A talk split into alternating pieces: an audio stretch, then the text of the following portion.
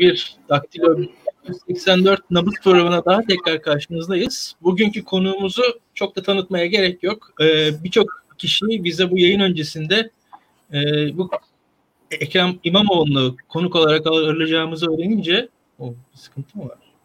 Ee, Ekrem İmamoğlu konuk olarak ağırlayacağımızı öğrendikten sonra bizim yayınımıza çok ciddi mesajlar geldi. İmamoğlu'nu çok kişi çok seviyor. İnsanlar bizi izleyenler Ekrem İmamoğlu hakkında çok fazla şey öğrenmek istiyorlar. Biz onların sorularını topladık.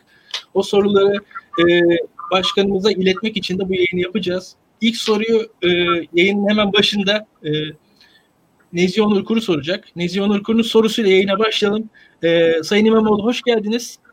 Hoş bulduk. İyi yayınlar. Mutlu oldum sizlerle bir arada olmaktan. E, izleyenlere de selamlar iletiyorum. Herkese sağlık diliyorum. Allah korusun diyeyim. Ne diyeyim? Çok arttı. Evet. Geçmiş olsun evet, başkanım. Sağ olun. Sağ olun. Teşekkürler. Ee, pandemi birazdan konuşacağız. Şimdi yayına daha temel bir meseleyle başlamak istiyoruz. Ee, biliyorsunuz küresel bir iklim krizi yaşanıyor. Ee, Türkiye'de de kuraklık sorunundan bahsediliyor. Hatta bugün yağmur doğasına çıkıldı. Ee, İstanbul'un su sorunu var mı? Su kesintisi yaşanacak mı? Halk panik yapmalı mı bu konuda? Sizin bakışınız nedir bu konulara? Ee, yani bir gerçek, kuraklık bir gerçek. Ee, kuraklığı yaşıyoruz. Şu anda yüzde yirmilere gerilemiş bir e, baraj doluluğumuz var. E, bu tabii e, 2007'den sonraki son yıllarda yaşadığımız en büyük kuraklık. E, tabii tedbirler alıyoruz. E, bir yandan e, kendi içimizde malum insanlarımıza e, tasarruflu davranmaları konusunda spotlar, filmler yayınlıyoruz, duyurular yapıyoruz. Ama e, bu tabii yeterli mi? Değil. Hani e, e, şey gibi oluyor bu. E, ya idam sehpasında e, temele sormuşlar e, dileğin var mı diye ha bu bana ders olsun demiş. E, şimdi hani bu bu şey gibi son ana kalıyor. Tabii böyle olmaması gerekir. E, günün sonunda e, tabii yıllardır su sorunu konuşulur. 30 yıllık bir melen konusu var biliyorsunuz. E, melen konusu ve seçimden önce buna e, atıfta bulunarak 2040'a kadar su sorunumuz kalmadı dendi. Açıkçası benim e, seçildik seçilene kadar e, melenle ilgili somut bilgiye sahip değildim ama gördük ki orası ta 2016'da açılması hedeflenen e, ve açılmadığını, açılamadığını gördüğümüz Melen'de son Tarım Orman Bakanımızla yaptığımız görüşmede görünen şu ki Melen'in İstanbul'a faydasına dört yıl var. E, o bakımdan biz hızlıca tedbirler alma konusunda e, kararlar aldık. Orada Melen'in suyundan daha fazla faydalanmak adına iki pompa artışı ile ilgili girişimde bulunduk. E, ama tabii bu bir zaman alıyor. Yani önümüzdeki yaz sonuna hatta e, sonbaharı bulacak bir yatırım süreç olarak e, hatlar döşenmiş pompa yatırımını yapacağız. Hemen e, harekete geçtik. Süreç başladı ama zamana ihtiyaç var. Ben her şeye rağmen e, bu sorunu aşacağımızı düşünüyorum. E, Melen'deki suyun yani oradaki deredeki suyun e, bizim en sıkıntılı anımızda bizim en azından şu güncel e, sorunu e, aşma konusunda destek olacağını görüyorum. Burada bir sıkıntı da şu bilinmesini isterim. E, ıstırancalarda da bizim beslendiğimiz e, barajlarımız var. Hatta işte malum Terkos önemli bir kaynak. Ama ilginçtir e, Trakya çok kurak e, ve e, ne yazık ki oradan uzun zamandır su temini yapamıyoruz. E, bunda da temel e, sorun ki geçenlerde e, Namık Kemal Üniversitesi'nde de bir akademisyenin e, ilginç bir açıklaması vardı. Yani son e, 90 yılın, 92 yılın en kurak dönemini yaşıyor Trakya diye. Bütün bunlara baktığınızda kuraklık artı üstüne e, tabii melenin bitmemiş olması bizim gelir gelmez süreçle ilgili tespit çalışmalarımız ha şu faydası oldu. Melen konusunda kararlı adımlar attı e, bakanlık. ihalesi yapıldı, yer teslimi yapıldı. Şu anda da projeyle ilgili kaygılarımız var. Onu paylaşıyoruz. E, ama e, tahmin ediyorum ki e, dediğim gibi oranın dolması, sistemin devreye girmesi yani 3 ila 4 yıl arasında bir süreç. Günün sonunda biz bundan sonra çok tedbirli bir coğrafya olmak zorundayız. Şehrin sağını solunu çekiştirmemek zorundayız. şehri çıldırtmamak zorundayız. E, çok tasarruflu bir kitleye dönüşmek zorundayız. Birçok e, kavramı var. Bir yandan da her şeye rağmen deniz suyunun da e, içme suyu olma konusunda çalışmalarımızda e, sürüyor. E, bu konuda analizlerimiz var yurt dışından. E, bu konuda deneyimli, tedbirli yatırımcılarla görüşüyoruz. E, hepsi her konuda e, çok önemsediğimiz e, bir husus. E, inşallah İstanbul'u e, susuz bırakmayacağız. E, Sayın İmamoğlu çok teşekkürler. E, şimdi biz biraz açıkçası çok ciddi konulardan başladık sorulara. Şimdi ilk başta susuzluk, kuraklık, iklim krizi e, hani en temel mesele. Diğer temel mesele pandemi. Siz yaşadınız e, bu, bu hastalığı, geçirdiniz, geçmiş olsun. E, bizim etrafımızda artık hani uzak değil. Yani arkadaşımın arkadaşı, akrabamız, eşimiz, dostumuz, annemiz, kardeşimiz herkesin e, bir şekilde bir teması olmaya başladı artık. Yani o ilk Mart ayındaki gibi bir hava yok. Herkes toplumda birebir yaşıyor şu anda. Herkeste başka bir bakış var artık bu hastalığa hastalığa karşı. Siz bu konuda e, ilk konuşan insanlardan biri oldunuz Türkiye'de. Kamu yöneticilerinden birisi oldunuz açıkçası. E, hükümeti bu pandemi yönetimi sırasında salgın yönetiminin karşısında başarılı buluyor musunuz? Dün bir tablo vardı. Bu sayıya bakayım ben 1 milyon 748 bin vaka sayısı açıklandı. Ancak vefat sayıları hala güncellenmedi. Ortada bir vefat sayısı tartışması var. Ee, yani her insan zaten bir insan da çok değerli bunu sayıları çok konuşmak da anlamlı değil ama hani hadisenin boyutunu görmek gerekir diye düşünüyorum ben. E, bu veriler hakkındaki fikirleriniz neler ve pandemiye dair, salgına dair bir belediye başkanı olarak beklediğiniz önlemler neler? Ya şöyle e, tabii üzülerek söyleyeyim ki herkes anladı, açıklayan hala bizim ne demek istediğimizi anlayamadı. İçim yanıyor bu konuda. Şeffaflığın kime zararı var ve bu konudaki ısrar nedir? E, çok enteresan bir durum.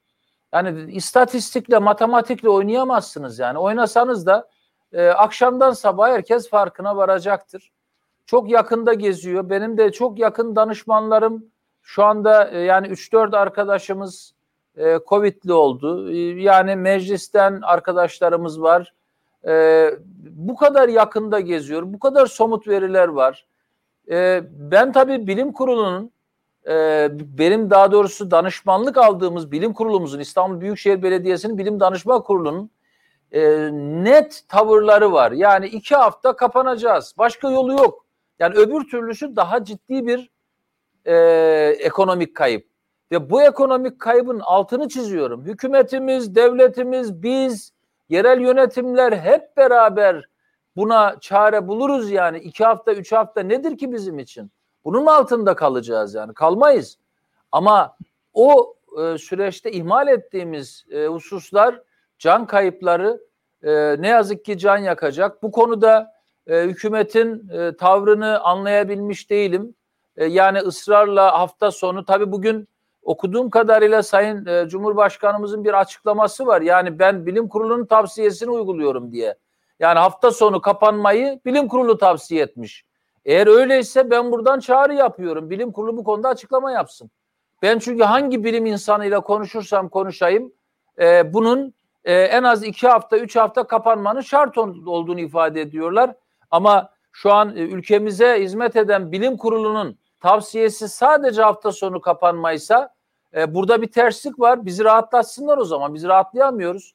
Çünkü bir ay aşkın süredir 400'ün üstünde defin sayısını hiç düşüremedik ne yazık ki İstanbul'da. E, bu da geçen yılın ortalamasına baktığınızda e, sadece bir ayda 5500-6000 daha fazla vefat demek İstanbul'da Kasım için söylüyorum bunu. E, bu kadar somut sayılar varken ben nasıl rahat edeyim? Onun için feryat ediyorum, onun için isyan ediyorum, onun için diyorum ki Allah aşkına kapatın iki hafta, üç hafta.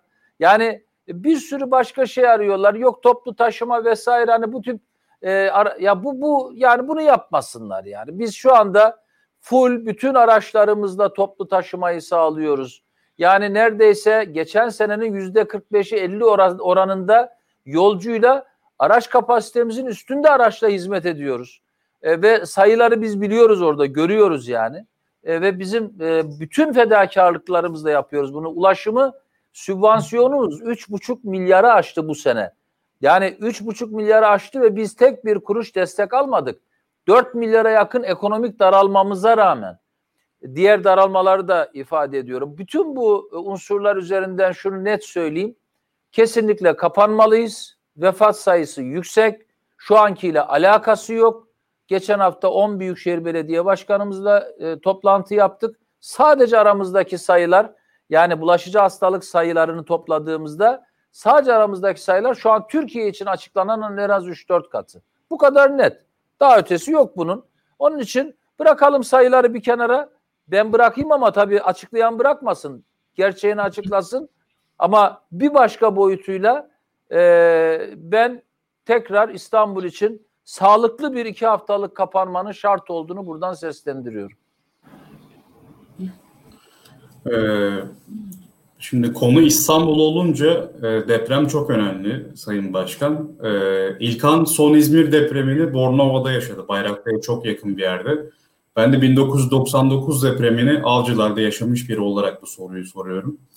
İstanbul'da 7 büyüklüğünde bir deprem olursa sonuçları nasıl olur? Veya 7'den daha büyük bir deprem olursa deprem öncesi hazırlık sürecinde İBB ile hükümet arasında ortak ee, çalışma var mı? İlkan Bey e, yaşadım e, dediniz değil mi İlkan Bey? Yani siz evet. İzmir'de. Ben de tabii İzmir'e iyileşir iyileşmez gittim. Ee, ve hani gerçekten hani İzmir'in yaşadığı tabii ki orası da çok riskli bir alan. Orada da ne yazık ki e, yapı stoğu bakımından sıkıntılar var. İstanbul'da da bu çok net 800 bin yapı. 99 öncesi yapılan 800 bin yapı. Hedef koyduk. Tek tek bunları analiz edeceğiz. Ve Avcılar Silivri ile başladık. Önümüzdeki sene yani 2021, 22, 23, 24'e kadar biz bütün bu yapıların 800 bin yapının envanterini çıkaracağız. İlk defa yapılıyor bu. Hızlı bir test metoduyla ve hani gerçek manzarayı göreceğiz. Mesela 2018'de yapılan araştırmada 50 e, bin civarında binanın çok hasarlı ya da çok ağır hasarlı olacağı tahmini var. Bu bir tahmin. Ama şu an yaptığımız tahmin raporları üzerinden yaptığımız analizde bunun Avcılar ve Silivri'de dört katı olduğunu görüyoruz. Dolayısıyla bu yapı sayısının 200 bine doğru e, varabilme ihtimali var. Böylesi bir tabloda çok hızlı hareket etmemiz lazım ve dönüşüm bir seferberlik istiyor. Kavramları var. Yani bütüncül hareket istiyor. Yani TOKİ tek başına yapsın. E, açıklandı işte. Sayın Cumhurbaşkanı açıkladı. Bir milyon e, yakın, bir milyona yakın konut ürettik dedi Türkiye'de. Ama altı buçuk milyon daha değiş dönüşüme ihtiyaç var dedi. 18 yılda bu üretilmişse Türkiye'nin 110 yıla ihtiyacı var dönüşüm için. E, buna tahammül yok. Bu bir İstanbul depremi net e, bir bağımsızlık sorunu. Net. Yani ekonomik e, çıktılarına bakarsak, e, psikolojik çıktılarına bakarsak, İstanbul'a vereceği zarara, onun kay, kaybettireceği motivasyona bakarsak ciddi anlamda çok büyük sorun. Başka hiçbir şey düşünmeden bu işe yatırım yapmak lazım. Hani öyle dereymiş, kanalmış, şuymuş, buymuş geçin bunları. Yani bunları geçin. İstanbul'da dönüşüm. Para bulacağız. Para bulacağız ve insanlara şunu diyeceğiz. Yani bir daire, iki daire veremeyiz diyeceğiz. Biz insanlarımıza net olacağız. Bütün siyasiler. Ama sana öyle bir finans koşulları sağlayacağız ki sıfır faizle paranı geri ödeyeceksin. Eski binanı, 100 liralık binanı yenileyeceksin 300 lira olacak diyeceğiz. Yenilemek için belki o değerinin dörtte biri kadar para ödeyeceksin gibi. Yani böyle bir mantıkla İstanbul'un hızlıca dönüşüme muhtaç olduğunun altını çizelim. Ben bu konuda duyarlılık gösteren, saatlerini ayıran ve pazartesi çok verimli toplantı yaptığımız için Çevre Şehircilik Bakanı Sayın Murat Kurum'a yürekten teşekkür ediyorum. Burada yaptığımız konuşma sonrasında da üç konuda hızlı hareket edelim diye ortak bir karar alındı. Bir tanesi mevzuatta çok büyük bir karmaşa olduğunu düşünüyoruz. Bu konuda sizinle bir masaya ihtiyacımız var dedik. Sağ olsun bu konuda e, karar verildi ve bizden bir heyet talebinde bulundu. Biz kendilerine bildireceğiz, mevzuatı tartışacağız. İkincisi İstanbul'un acil konuları üzerinden konuşalım talebimiz oldu. O konuda da Bakan Yardımcısı Sayın Varank Hanımefendi'yi tarifledi. Onunla e, ekibimiz irtibat halinde hızlıca bir toplantı yapacağız ve bu konu bu konunun en geç ayda bir ya da iki ayda bir yürümesi, acil sorunlarımız varsa çözülmesi konusunda karar birliği yaptık. Üçüncü konumuzda kent yani kentte bir deprem konseyi oluşması. Bu konudaki talebimizi de açtık, sistemini anlattık. bunun biraz zamana ihtiyaç olduğunu çünkü bizim orada beklentimiz şu bir ortak akıl masası ve siyaset üstü bir masa. Yani bu A, B, C partisi bu konuda konuşmasın. Depremle ilgili akıl ve bilim konuşsun. Hem de bazen yani öyle ombudsman bir tavırla çıksın insanlar oradaki insanlar öyle bir söz etsin ki onun ne mecliste ne büyükşehir meclisinde ne de bir belediye başkanı sağından solundan çekiştiremesin. Hızlı hareket edelim. Bu mantıkta da e, konsey önerimiz vardı. Bunu biraz daha incelememiz gerekir dedi Sayın Bakan. E, ve ama buna dönük bir ne diyelim bir prototip gibi yani katılımcılar kimler ki önerimizde finans sektörü var, sigortacılık sektörü var, inşaat malzemesi üretenler var. Aynı zamanda müteahhitler var, herkes var. Yani katılımcı bir şekilde en doğru biçimde güvence sağlayarak finans sistemini kurguladığınız yerde güvenceye de ihtiyaç var. Müteahhitle vatandaş arasında kim olacak? Kiptaş olacak. İstanbul Büyükşehir Belediyesi olacak. Kim olacak? TOKİ olacak. Başka belediyelerin şirketleri olacak. Böyle bir sistemde çok net vatandaş dönüştürme işine girmediği sürece belediye eliyle, TOKİ eliyle, hükümet eliyle çözülemez. Sayı ortada. Vaktimiz yok çünkü hızlı hareket etmeliyiz. O bakımdan e, böyle bir prototip toplantı yapılması konusunda da karar birliğine vardık Sayın Kurum'la, e, değerli bakanımızla. O konuda da bizim bir taslak çalışmamız var. Kendilerine sunacağız önümüzdeki hafta. Aralık ayında yetiştirebilirsek bu toplantıyı yapalım dedi. Çok da mutlu oldum. Ee, inşallah bu toplantı verimli sonuç verir. İnşallah bir arada ortak akılla gerçekten siyaset. Ya bu işin siyasi yani siyaset deyince her konu siyasi olabilir bakışı var. Benim anlattığım malum kötü değil siyaseti. Bundan uzak tutalım bunu. Yani bundan uzak tutalım. Bir, bakın A, B, C partisi diyorum isim vermiyorum. Bir mahalleye gidip A partisi diyor ki ben senin dairene karşılık daireni veririm. Öbürü diyor ki bir dakika diyor ben senin dairene bir daire daha veririm diyor. Bu pazarlıklar yapıldı. Bakın bu travmalar üzerinden Fikirtepe diye bir facia doğdu İstanbul'da. Ve şu an yani devletimiz 5 milyar lira oraya fonlamak zorunda. 5 milyar lira. Yazık değil mi? Günah değil mi? O bakımdan bundan ayrı bir ortam yaratıp e, belki de 500 milyara yakın bir dönüşüm bütçesinden bahsediyor arkadaşlarım. Bana göre daha yüksek. Böylesi bir ekonomiyi de üreterek İstanbul'un hızlıca dönüşmesini ve tek bir vatandaşımızın burnunun kanamamasını sağlamamız lazım. Bu noktada bir husus daha var. İstanbul'un bir boş konut envanteri var. Bundan bahsettik Sayın Bakanımıza. Hatta bir İstanbul e, konut ofisi anlamında bir sistem kurarak acilen çok kötü olduğunu tespit ettiğimiz binalardaki insanları devletin zaten bir kira e, desteği var. Hızlıca oralara taşınmasını sağlayalım noktasında da e, önerimiz oldu. Buna da çalışacağımızı konuştuk. Günün sonunda sıkı bir diyalog başlattık. Uzun zamandır bu diyaloğu e, tartışıyorduk, konuşuyorduk. Heyetler görüştü, araya Covid girdi vesaire. Ama gerçekten pazartesi verimli bir toplantı yaptık. Umarım sonuca ulaşır. Ee, tabii bir yandan biz kendi çalışmalarımıza devam ediyoruz. Dönüşümler yapıyoruz. Riskli alanlardaki faaliyetlerimiz, yıkımlarımız devam ediyor. Ee, bu bahsettiğim ekonomik modeli kendi biçimimizle uygulama çabası içerisindeyiz. Başladığımız ve başlayacağımız yerler var.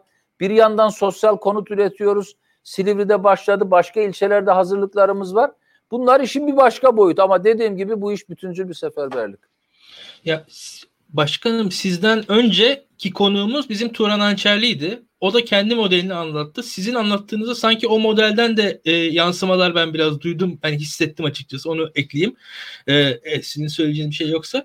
E, bunun üzerine ben beraber biraz... çalışıyoruz. Yani Turan Bey de çok yani bu konuda hararetli, istekli e, ve de hani ke- gerçekten kendini bu anlamda e, avcılara adamış durumda.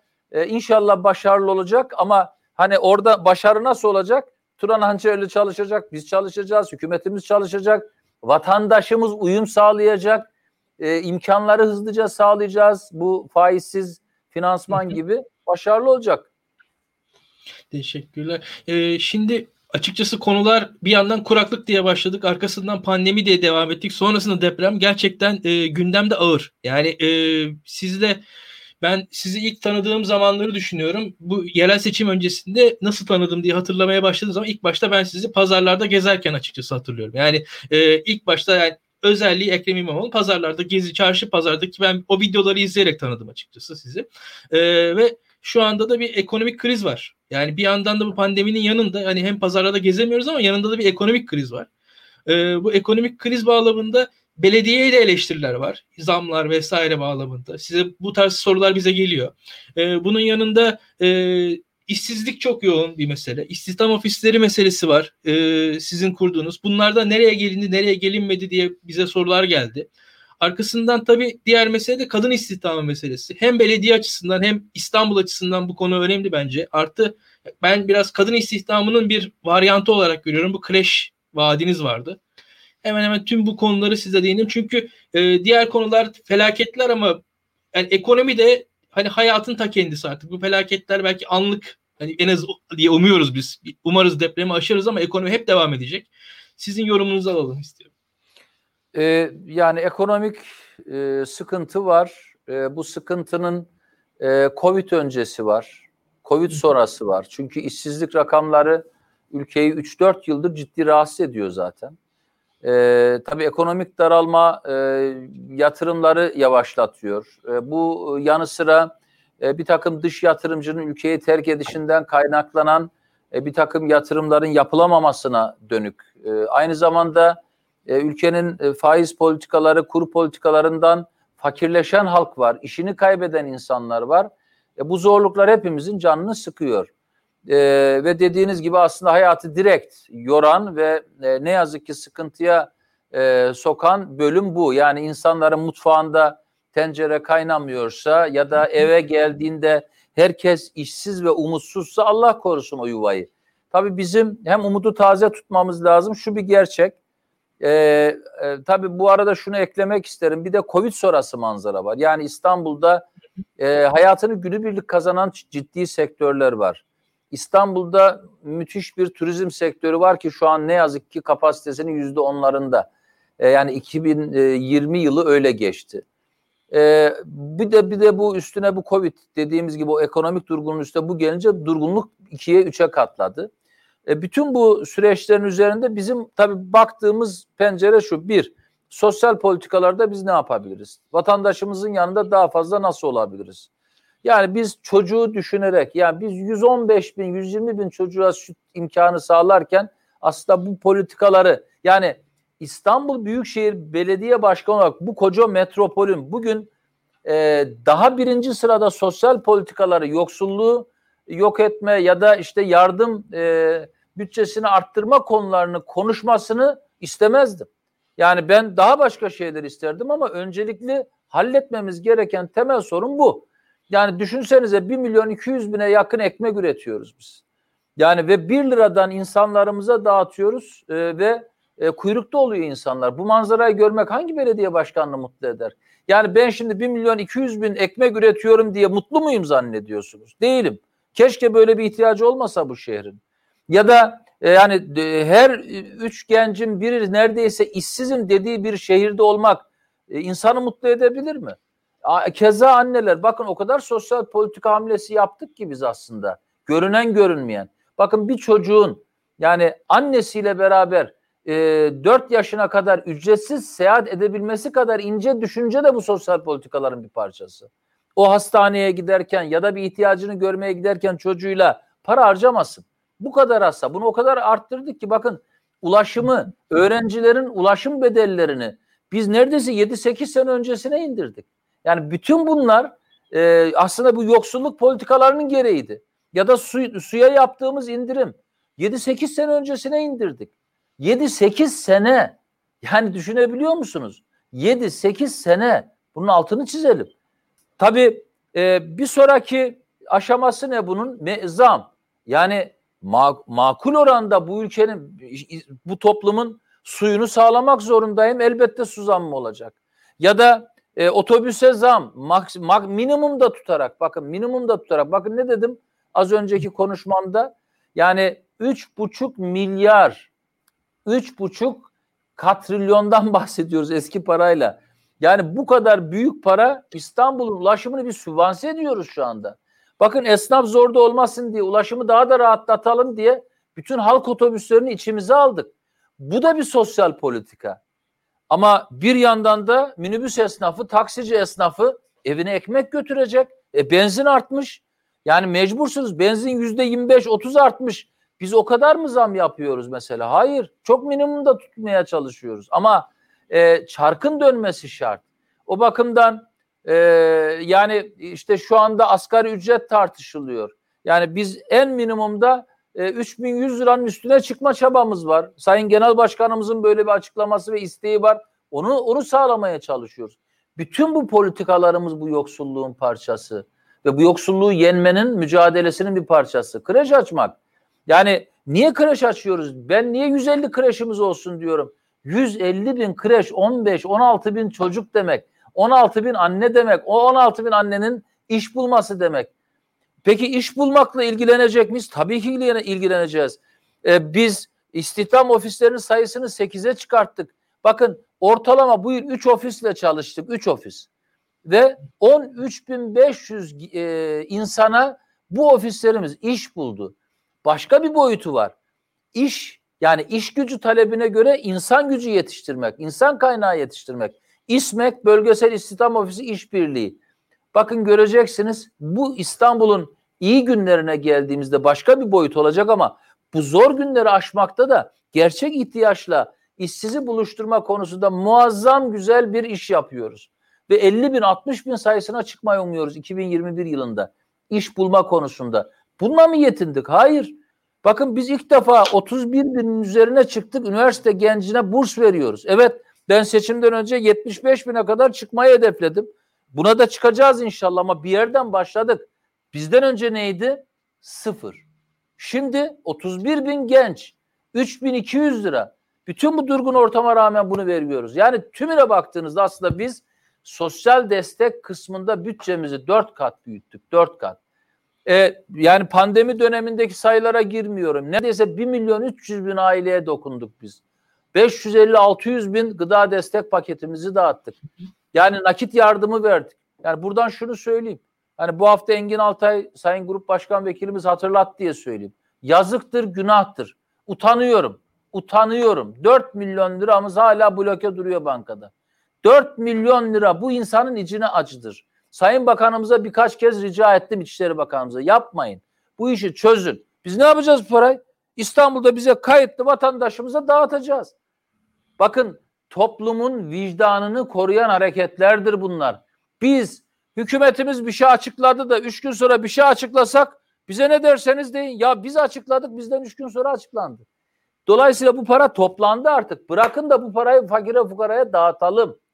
Biz günün sonunda bu günleri aşmak ve bu kentte dünyanın güzide İstanbul'un da fakirliğin konuşulmadığı bir İstanbul var edeceğiz. Göreceksiniz. Ve bu kentin fırsatları var. Turizm fırsatı var, ekonomi fırsatı var, ticaret fırsatı var. Bu fırsatın yanı sıra yetkin gençleri var. Gençlerimize o fırsatları yaratıp gençlerimizin yaratıcılıklarından dünya çapında işler üreten bir merkez olacak İstanbul. Bunu var edeceğiz, göreceksiniz. İstanbul'un yeşil bir kent e, kent olmasını istiyoruz. Tümüyle her hizmetinden dolayı adil bir kent olmasını istiyoruz bir de yaratıcı unsurlarıyla dünyaya mesaj veren bir kent olmasını istiyoruz. Bu bağlamda dileğimiz bu zor günleri hep birlikte aşmak, askıda fatura gibi gönülden, vicdanla birbirine bağlı bir hemşerilik duygusu yaratmak ama ondan sonra da e, en sonunda da gerçekten yoksulluğun bittiği, e, yoksulluğun konuşulmadığı bir İstanbul var etmek. Teşekkürler. Ee, Kanal İstanbul projesi, projesine karşı çıktığınızı biliyoruz. E, hatta bu konuda hakkınızda soruşturma bile açıldı. E, bu projenin gidişatı ve soruşturmanın süreci şu an ne durumda? Bize bilgi verebilir misiniz bu konuda? Onur Bey ben tabii itirazımı yaptım. Bana göre itiraz da lüzumsuzdu ama e, danışmanlarımız yapmanız gerekiyor dedi. Ben direkt suç duyurusunda bulunun dedim. O müfettişi kabul bile etmiyorum. Ona da çalışın dedim. E, yani ben hakkımı helal etmiyorum. Devletin bir müfettişinin bana hain diyerek veya hainlikle suçlayarak ucuna da kamu yararı falan diyerek bir soruşturma açmasını e, bence benimle beraber milyonlarca insan da hakkını helal etmiyor. Ama e, Kanal İstanbul konuşulması bile zul. Yani şu bu sorudan önce sorduğunuz dört soruya bir geri dönelim mi? Yoksulluk, Covid, vefatlar, deprem, yani işsizlik Allah aşkına. Ya bunlar var. Kanalı konuşacağız. Ne yapacağız? İstanbul'u çıldırtacağız. Ne yapacağız? İstanbul'u böleceğiz. Bölücülük o. Bölücülük o. Bugün bunu konuşmak bile bölücülük. Siyasi bir mesele değil bu. Zinhar. Değil. Büyük bir ihanet bu. Bütün geçmişteki ihanetler bir yana bunu yüzle çarpın bu Kanal İstanbul eder. O bakımdan e, bunun yapılmamasına dönük ben sonsuz mücadelemi devam ettireceğim. Kanunun, yasanın el verdiği her mücadeleyi yapacağım, her kapıyı çalacağım. Vatandaşlarımızın bunu duymasını istiyorum. Yani İstanbul'un bu da bu kadar sorunu varken bunu tartışmak, konuşmak bile günahtır, yazıktır. Binlerce yıllık İstanbul'umuza, atamıza, dedemize, ninemize ihanettir. Fatih Sultan Mehmet'e ihanettir. Mustafa Kemal Atatürk'e ihanettir. Bu kadim topraklarda var olan evliyalara ihanettir. Her şey ihanettir. Bütün ruhuna ihanettir. O bakımdan e, ben böylesi bir kentin korunması adına mücadeleme devam edeceğim. E, açık söyleyeyim afişte asacağım, bildiri de dağıtacağım, sosyal medyamdan da bilgi dağıtacağım. Her türlü faaliyete devam edeceğim. Çünkü bu çok kötü bir şey. Ben bu kötülükten İstanbul'u kurtardıktan sonra bunu savunanlar bile Allah ömür verirse 5 yıl, 10 yıl, 15 yıl sonra bana dua edecekler. Senden Allah razı olsun. Bizi büyük bir yanlıştan döndürdün. İstanbul'u kurtardınız hep birlikte. Çünkü benimle beraber milyonlarca insan buna inanıyor şu anda diye dua edecekler. Dua. Ben o dua etmelerini istemiyorum. Bugünden bu işten vazgeçsinler. Başka konular konuşalım. Teşekkürler. Ee, şimdi e, Ekrem Bey bizim e, sizin de tanıdığınız Daktilo'nun 1984'ün ekonomisti Enes Özkan'ın bir sorusu var. Bu metro projelerinin finansmanı için tahvil ihracı yoluyla 580 milyon dolar kaynak bulundu.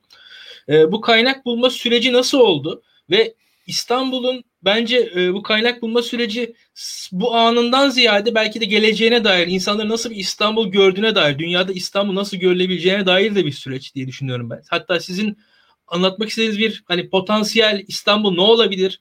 Yani buradan biz hakikaten hani kanal çılgın proje falan değil ama bir gelecek İstanbul vizyonu da bence bu e, bu tahvillerin arkasında biraz da o vardı. Yani dünyanın İstanbul'u da İstanbul'u bir yerde gördüğünü ben düşünüyorum. Ya yani bu bir güven de meselesi. E, sizin ondan yorumunuzu alayım ben. Yani e, kesinlikle haklısınız İlkan Bey. Şöyle İstanbul e, prestiji, itibarı yüksek bir kent.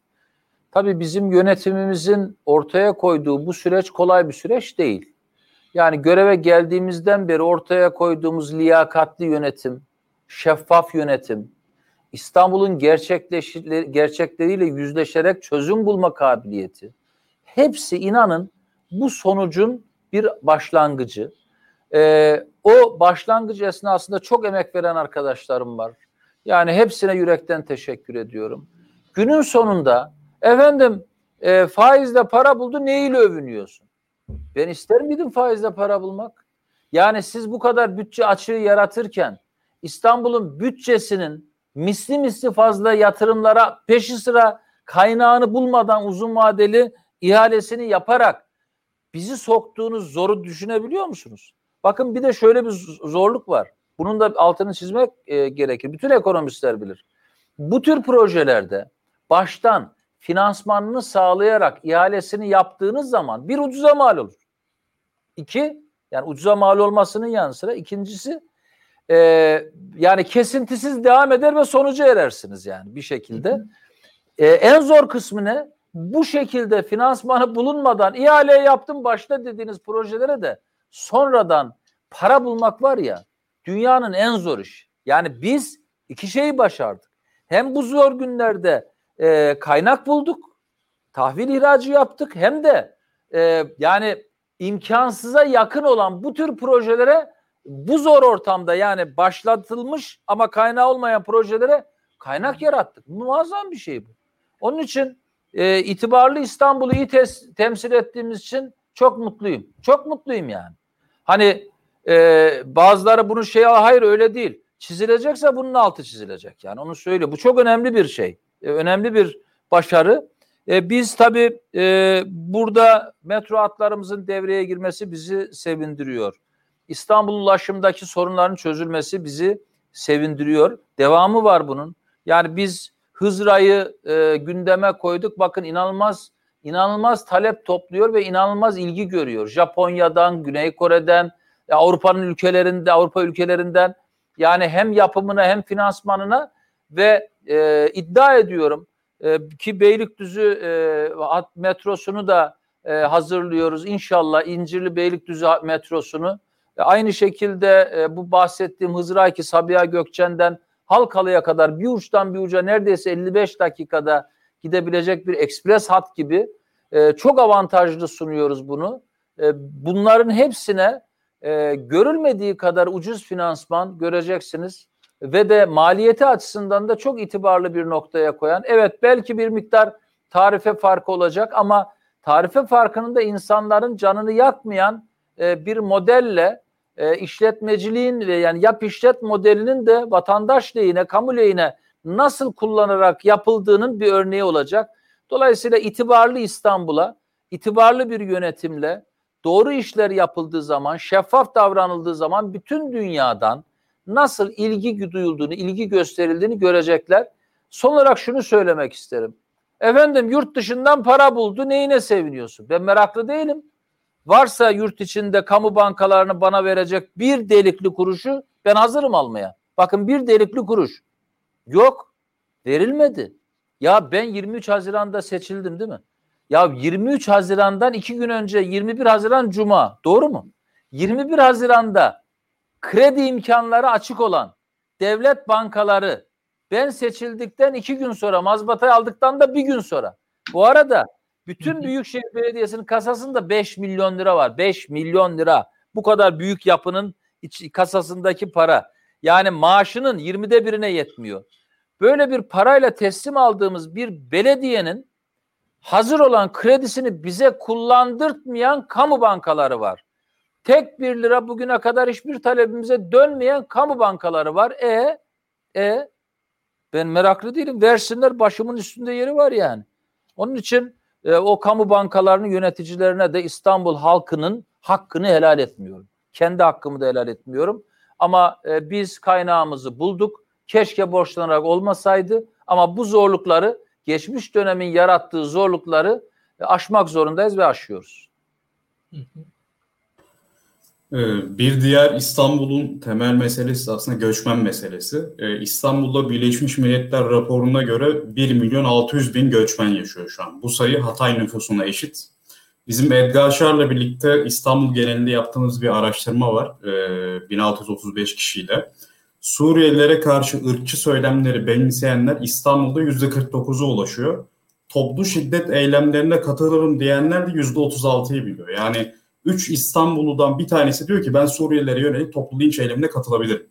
Ee, sizin göçmenler hakkındaki düşünceleriniz neler ve hükümet ile İBB arasında bu sürecin yönetimine dair bir işbirliği ee, söz konusu tabii mu? o dediğiniz duygudan Allah korusun. Yani hem bu şehri hem de bu şehrin insanlarını ve buradaki ne yazık ki e, vatanlarından kopmuş olan e, mültecileri e, ya da buradaki sığınmacılar Allah korusun Böyle bir şeye de e, inşallah e, halkımızın her bir ferdi asla kalkışmaz.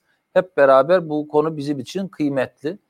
E, çok ilgileniyoruz. Bizim de araştırmalarımız, işbirliklerimiz var. Covid döneminde yalnız bırakmamaya büyük çaba gösterdik. Kendilerinin kurmuş olduğu dernekler üzerinden veya bazı kitleler üzerinden destek paketlerimizi onlara da ulaştırmaya devam ettik. Tabii mülteci politikaları tümüyle merkezi hükümet tarafından yönetiliyor. İnanın yerel yönetimlerin bu hususta hiçbir paragrafı bile yok denecek kadar az. Ama e, biz mümkün olduğu kadar irtibat kurmak, bu iş uluslararası aranaya e, aktarmak. Katıldığım her toplantıda şunu söyledim. Bakmayın o e, adı ne olduğu belli olmayan bir takım basın kuruluşlarının e, ifadelerine. Yani efendim sanki ben e, gitmişim şikayet. Tam aksine her yerde şunu söyledim ve 7 yıldır söylüyorum. Beylikdüzü Belediye Başkanı olduğum ilk aylardan itibaren katıldığım yurt dışı e, e, toplantılarında da söyledim. Aynen şunu söyledim. Bir, bu insanların yurtlarından edilmesinin mesulü bütün dünyadır. Özellikle dünyanın emperyalist kuvvetleridir. Yani e, bu Suriye'nin toprağının altındaki kaynaklara gösterilen ilgiyi başta e, Rusya ve Amerika Birleşik Devletleri olmak üzere üstündeki yaşayan insanlara gösterselerdi bugün o insanlar yurtlarından e, olmazlardı. Ve ne yazık ki bu kaos sürecinde Türkiye'de sağlıklı bir dış politika yönetememiştir. Türkiye sağlıklı bir dış politikası, kendi içindeki demokrasi e, kuvvetliliği inanın inanın e, Orta Doğu'yu barıştırır. Bak ben ben bu kadar inanıyorum. O bakımdan e, dilerim ve isterim ki bu insanlar kendi yurtlarına dönsünler. Ama bir realite var. Yani e, bu göçü gerçekleştiren insanların ne yazık ki büyük bir bölümü gittikleri yerde kalma eğilimlerinde. Bizim araştırmalarımız da var. Yani İstanbul'da var olan mültecilerin, sığınmacıların ne yazık ki ciddi bir bölümü İstanbul'da kalmak istiyorlar. Hatta kalmak isteyenlerin de ciddi bir bölümü fırsatını bulsa Avrupa'ya gitmek istiyor. Yani böyle bir şey var, akış var.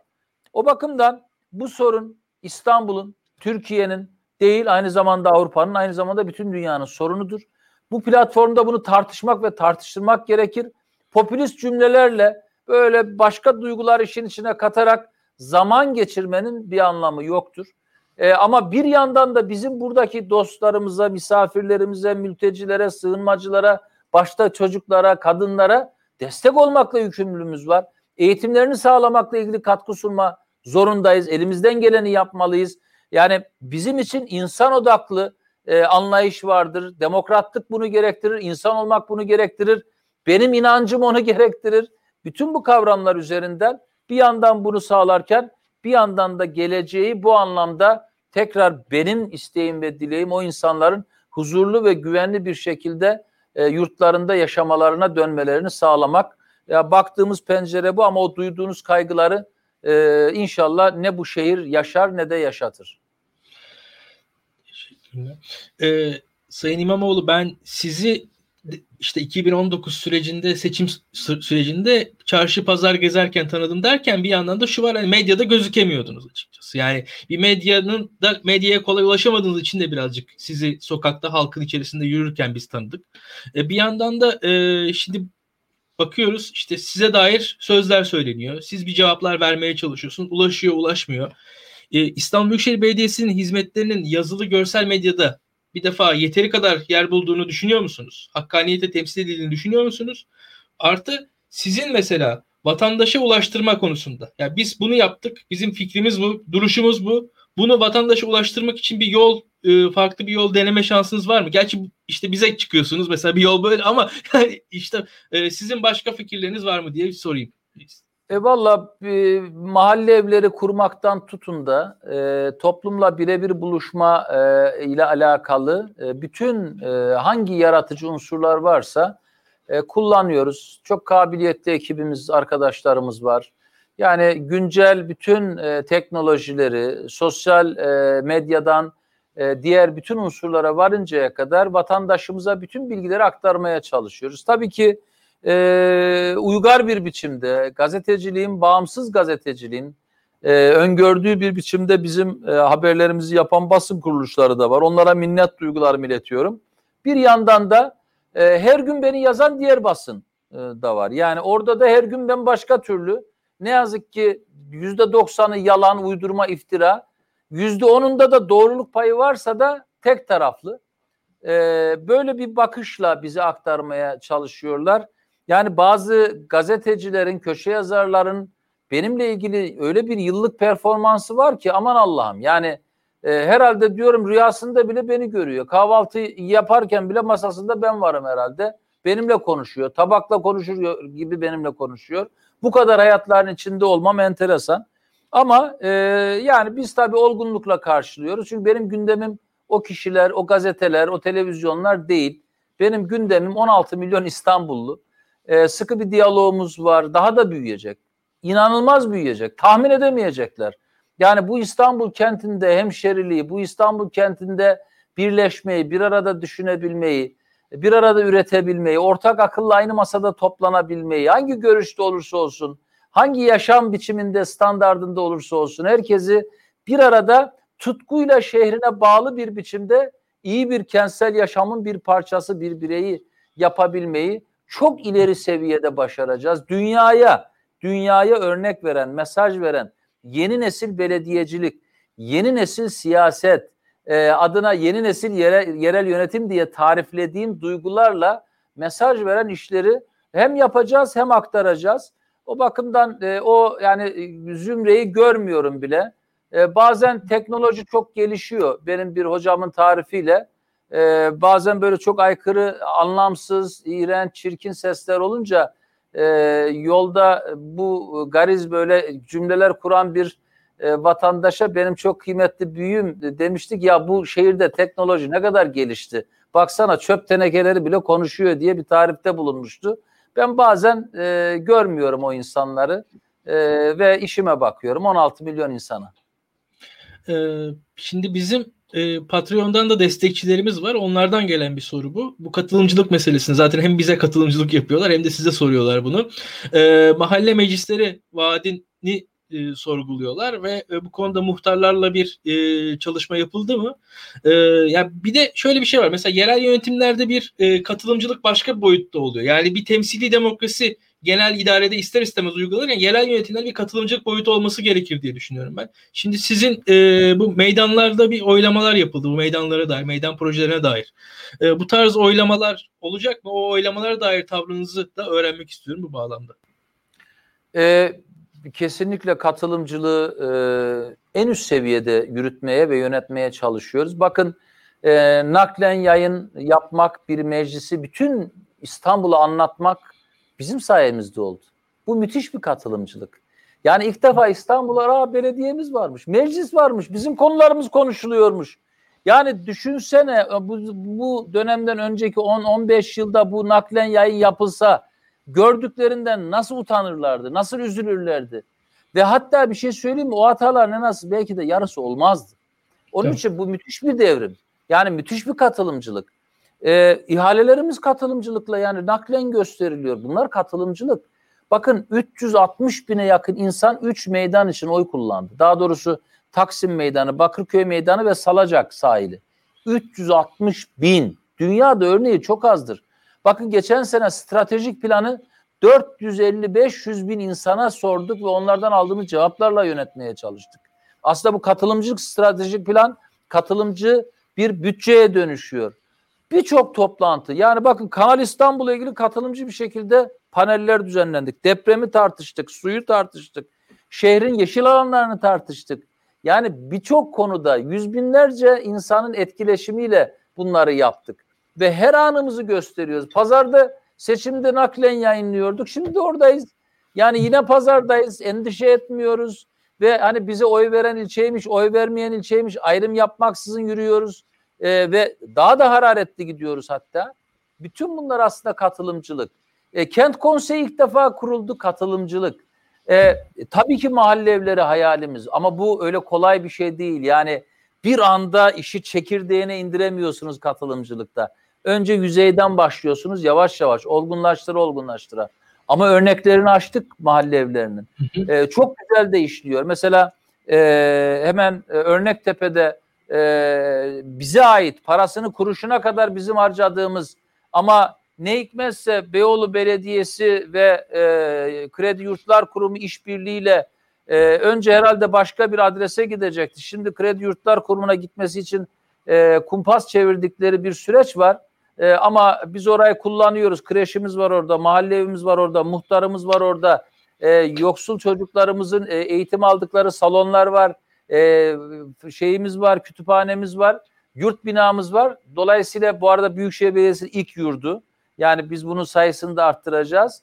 E, günün sonunda orada var birkaç yerde daha mahalle ve açılışlarımız hızlanıyor. E, muhtarlarımızla çok sıkı işbirliği içerisindeyiz. Bakın ilk defa, ilk de ben bunu demiyorum. Muhtarlar söylüyor. Yoksullara yardım konusunda muhtarlarla işbirliği yapan Büyükşehir Belediyesi var. Yani Büyükşehir Belediyesi mensubu olduğu partiye e, kolileri yollayıp siz dağıtın demedi. Muhtarlarla dağıttı. Muazzam bir şey.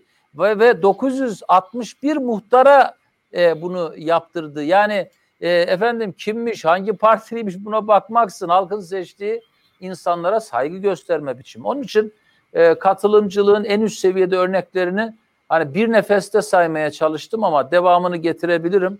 E, bütün bu aşamaları e, bambaşka demokrat bir şehir var edecek. Zaten benim iddiamı birçok yerde söyledim. Burada sizin vasıtanızla da dillendireyim. Kesinlikle ve kesinlikle ya beni onur edecek en büyük şey ne biliyor musunuz? Bu şehrin gelmiş geçmiş hatta iddiamı büyütüyorum. Dünyada bile konuşulan en demokrat belediye başkanı olmak. O kadar onur duyarım ki. Yani o demokrasiyi, o özgürlüğü kentin yaşayanlarına hissettirmek. Mutluluk oradan geçiyor çünkü. Ee, hem Patreon destekçilerimizin hem de e, tüm izleyicilerimizin çok merak ettiği bir soru var Sayın Başkan. Ee, İBB bir soruşturma e, dosyasını, yolsuzluk dosyasını e, yargıya taşımıştı. Pazartesi günü sanırım bu oldu. Sonrasında ise e, 297 internet sitesine erişim engeli getirildi. E, siz bu konuda ne düşünüyorsunuz? Ve bu yolsuzluk dosyalarının gerisi gelecek mi? Ve bugüne kadar neden beklendi? Bakınız e, bu işin beklemesi diye bir şey olmaz. Yani dosya masada beklemez. Her dosyanın bir ciddiyeti, bir araştırma süreci vardır. Orada da insanlar var. Yani ortaya atacağınız yanlış bir iddia, eksik bir e, hamle e, bazen gereksiz yere insanları rencide edebilir. Farklı makamlara gelmiş insanlar vardır o dosyaların içerisinde. Kim olduğunu bilemezsiniz. Bir bakmışsınız bakan olmuş, bir bakmışsınız milletvekili olmuş, başka bir şey olmuş. Dolayısıyla her hattında titiz davranan bir ekibimiz var. E çalıştılar, sundular. Bu Ekrem İmamoğlu hazırlamıyor ki bunları. Kocaman bir ekip hazırlıyor. Yakaladıkları bir dosya üzerinden araştırma yapıyorlar. Ondan sonra da teftiş kuruluna sunuluyor. Teftiş kurulu da açık e, araştırmasını yapıyor. Suç duyurusu, ise suç duyurusu veya başka hamleler. Bütün bunlar kanunda, yasada yazılı şeyler. Öyle fırça atmakla bir dosya e, sümen altı yapılmaz yani. Bağırıp çağırmakla. Bir dosya varsa vardır. Ya da bir dosya e, efendime söyleyeyim yasaklama koyulmakla öyle yasaklanmaz. Yani bugün yasakla üstünü örtmekle olmaz. Belki paspasın altına çok şey süpürüldü ama böyle bir şey mümkün değil. Her dosya bir gün karşılığını bulur. Biz hakka, hukuka inanıyoruz, adalete inanıyoruz. Bakın bazı hamleler yani o kadar gereksiz hamleler ki yani işte taksi meselesi, ukome meselesi, ukomenin oluşma biçimi. Yargıya verdik. Ben yargıya güveniyorum. inanıyorum, inanmak istiyorum. Yani orada yapılan yanlış hareketin, gereksiz usulsüz e, işlerin e, yani e, adliyesinden, e, mahkemelerinden, danıştayına, e, yargıtayına varıncaya kadar herkesin her aşamasında hukukun işlevselliğini, herkese adalet dağıtmasının, ka- gerçek anlamda kamu yararını gözeten bir e, anlayışı ortaya koymasını bekliyorum. Bu anlamda biz hassas bir süreç yönettik. Yani tabii ki dosyalarımız şu anda da mevcutta dosyalar var incelemede. Yenileri de var bir sürü çalışılan ama biz iş olsun diye oraya dosya getirmiyoruz yani. Ha kalkmış karar almış ya da aldırmış bilemem. Usulünü bilemem yani. Niye bilemem diyorum biliyor musunuz? Ya bana, bana iftira atıldı. Mesneti yok. Yani mesneti yok, iddiası yok, bir iddianame yok, bir bilmem ne yok. Biz onları kaldırtamadık. Nasıl oluyor bu bir iki saatte ya da bir günde anlayabilmiş değilim. Büyük bir marifet. Ama dediğim gibi yani öyle e, bu marifeti göstermekle bu iş çözülmez. Bağırıp çağırmakla hiç çözülmez. Hele öyle çok bağırıp çağırıp tehdit edenler falan olursa da hiç kulağımız var ya bir buradan girer buradan çıkar. Yani hiç bize yapışmaz. Sakın öyle bir girişimde bulunmasın. Tek isteğim ve temennim şu. Herkes ha, aklanacaksa aklanacak, suçluysa gereğe yapılacak. Hepimiz için bu geçerli. E, bu anlamda e, yani e, esas temel direk hukuk ve adalet sistemidir. Ona da güveniyoruz, güvenmek istiyoruz. İnşallah e, en doğru şekliyle e, karşılığını bulur. Şimdi e, Ekrem Bey siz e, taksi meselesinden bahsettiniz. Böyle bir tane daha popüler bir konu var aslında. Birçok izleyici sordu. Bizim izleyicilerimiz e, internet üzerinden daha çok bizi takip eden gençler ve bunların da e, cidden e, sokak hayvanları üzerinden çok ciddi duyarlılıkları var. Bir yandan e, adalar meselesinde orada faytonlar e, dair bir e, icraatınız olmuştu. İlk onunla başladı hatta. Sizin hatta hatırlıyorum sanırım İçişleri Bakanlığı'yla bir uzlaşmanız dahi olmuştu. Ee, sizden bir de öyle bir beklenti var. Bu soruyu ekstradan çok fazla izleyici bana bunu sorduğu için de sormak istiyorum ben. Ee, İstanbul Büyükşehir Belediyesi'nden böyle bir talep var. Yani öyle söyleyeyim. Yani İstanbul Büyükşehir Belediyesi ve sokak hayvanları üzerine daha, daha özel bir şey istiyor insanlar. Benim izleyicilerim Haklılar. Haklılar. Zor bir konu. Büyük bir mesele. Yani hızlı kentleşen ve doğanın ne yazık ki e, hızlı bir şekilde şehre büründüğü bir ortamda belki de en fazla mağdur olan şey e, sokaktaki o gördüğümüz canlılar e, ve e, korumak e, ve oradaki süreci iyi yönetmek, kanunlarını, yasalarını e, en çağdaş biçimde çıkartmak ve burada ortak akılla hareket etmek zorundayız. Zor bir durum. Bakın onu söyleyeyim. Kolay bir iş değil. Büyük bir iş. Beş yıllık ilçe belediye başkanlığında en fazla vakit ayırdığım inanın 4-5 konudan bir tanesi. Ee, çok zor tarafları var. Yani çok sahiplenen var, çok korkan var. Farklı beklentileri olanlar var. Kanunu yasayı bilmeden konuşanlar var.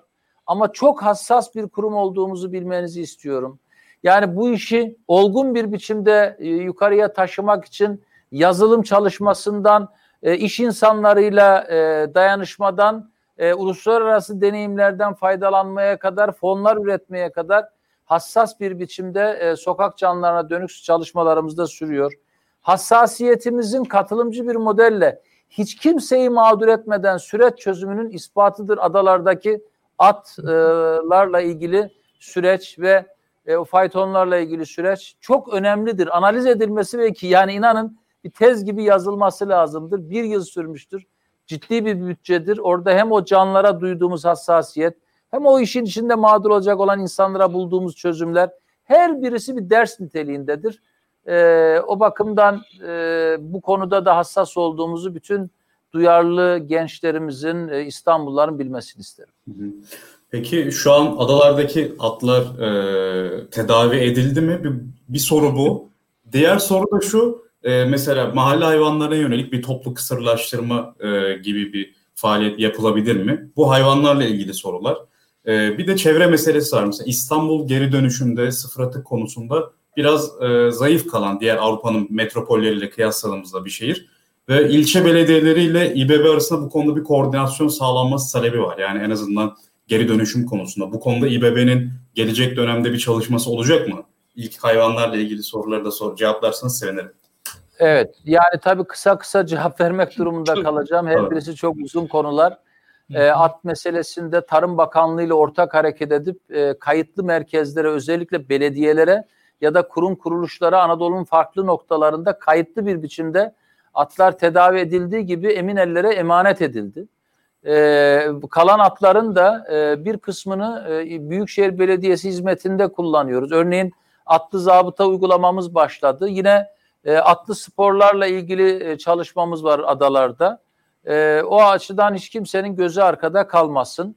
E, sosyal e, anlamda e, bir takım uygulamalarla da atlarla ilgili çalışmamız sürüyor. Ama büyük bir kısmını Anadolu'ya e, dağıttık. E, bütün e, kurumsal çalışmaları ve izleri takip edilerek e, bu yapıldı.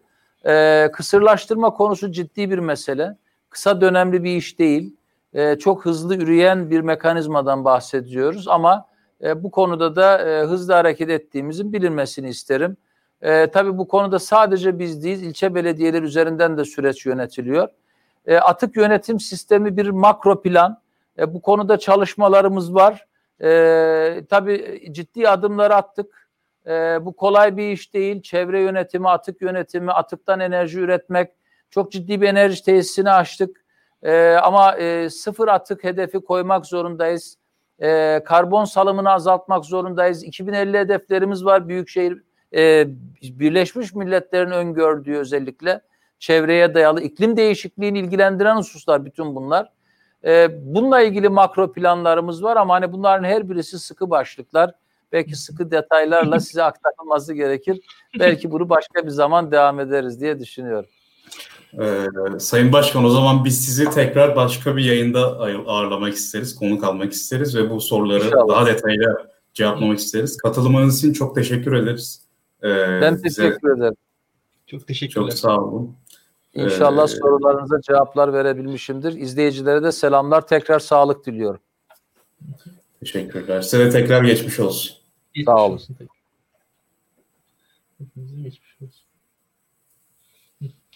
Ekrem Başkanı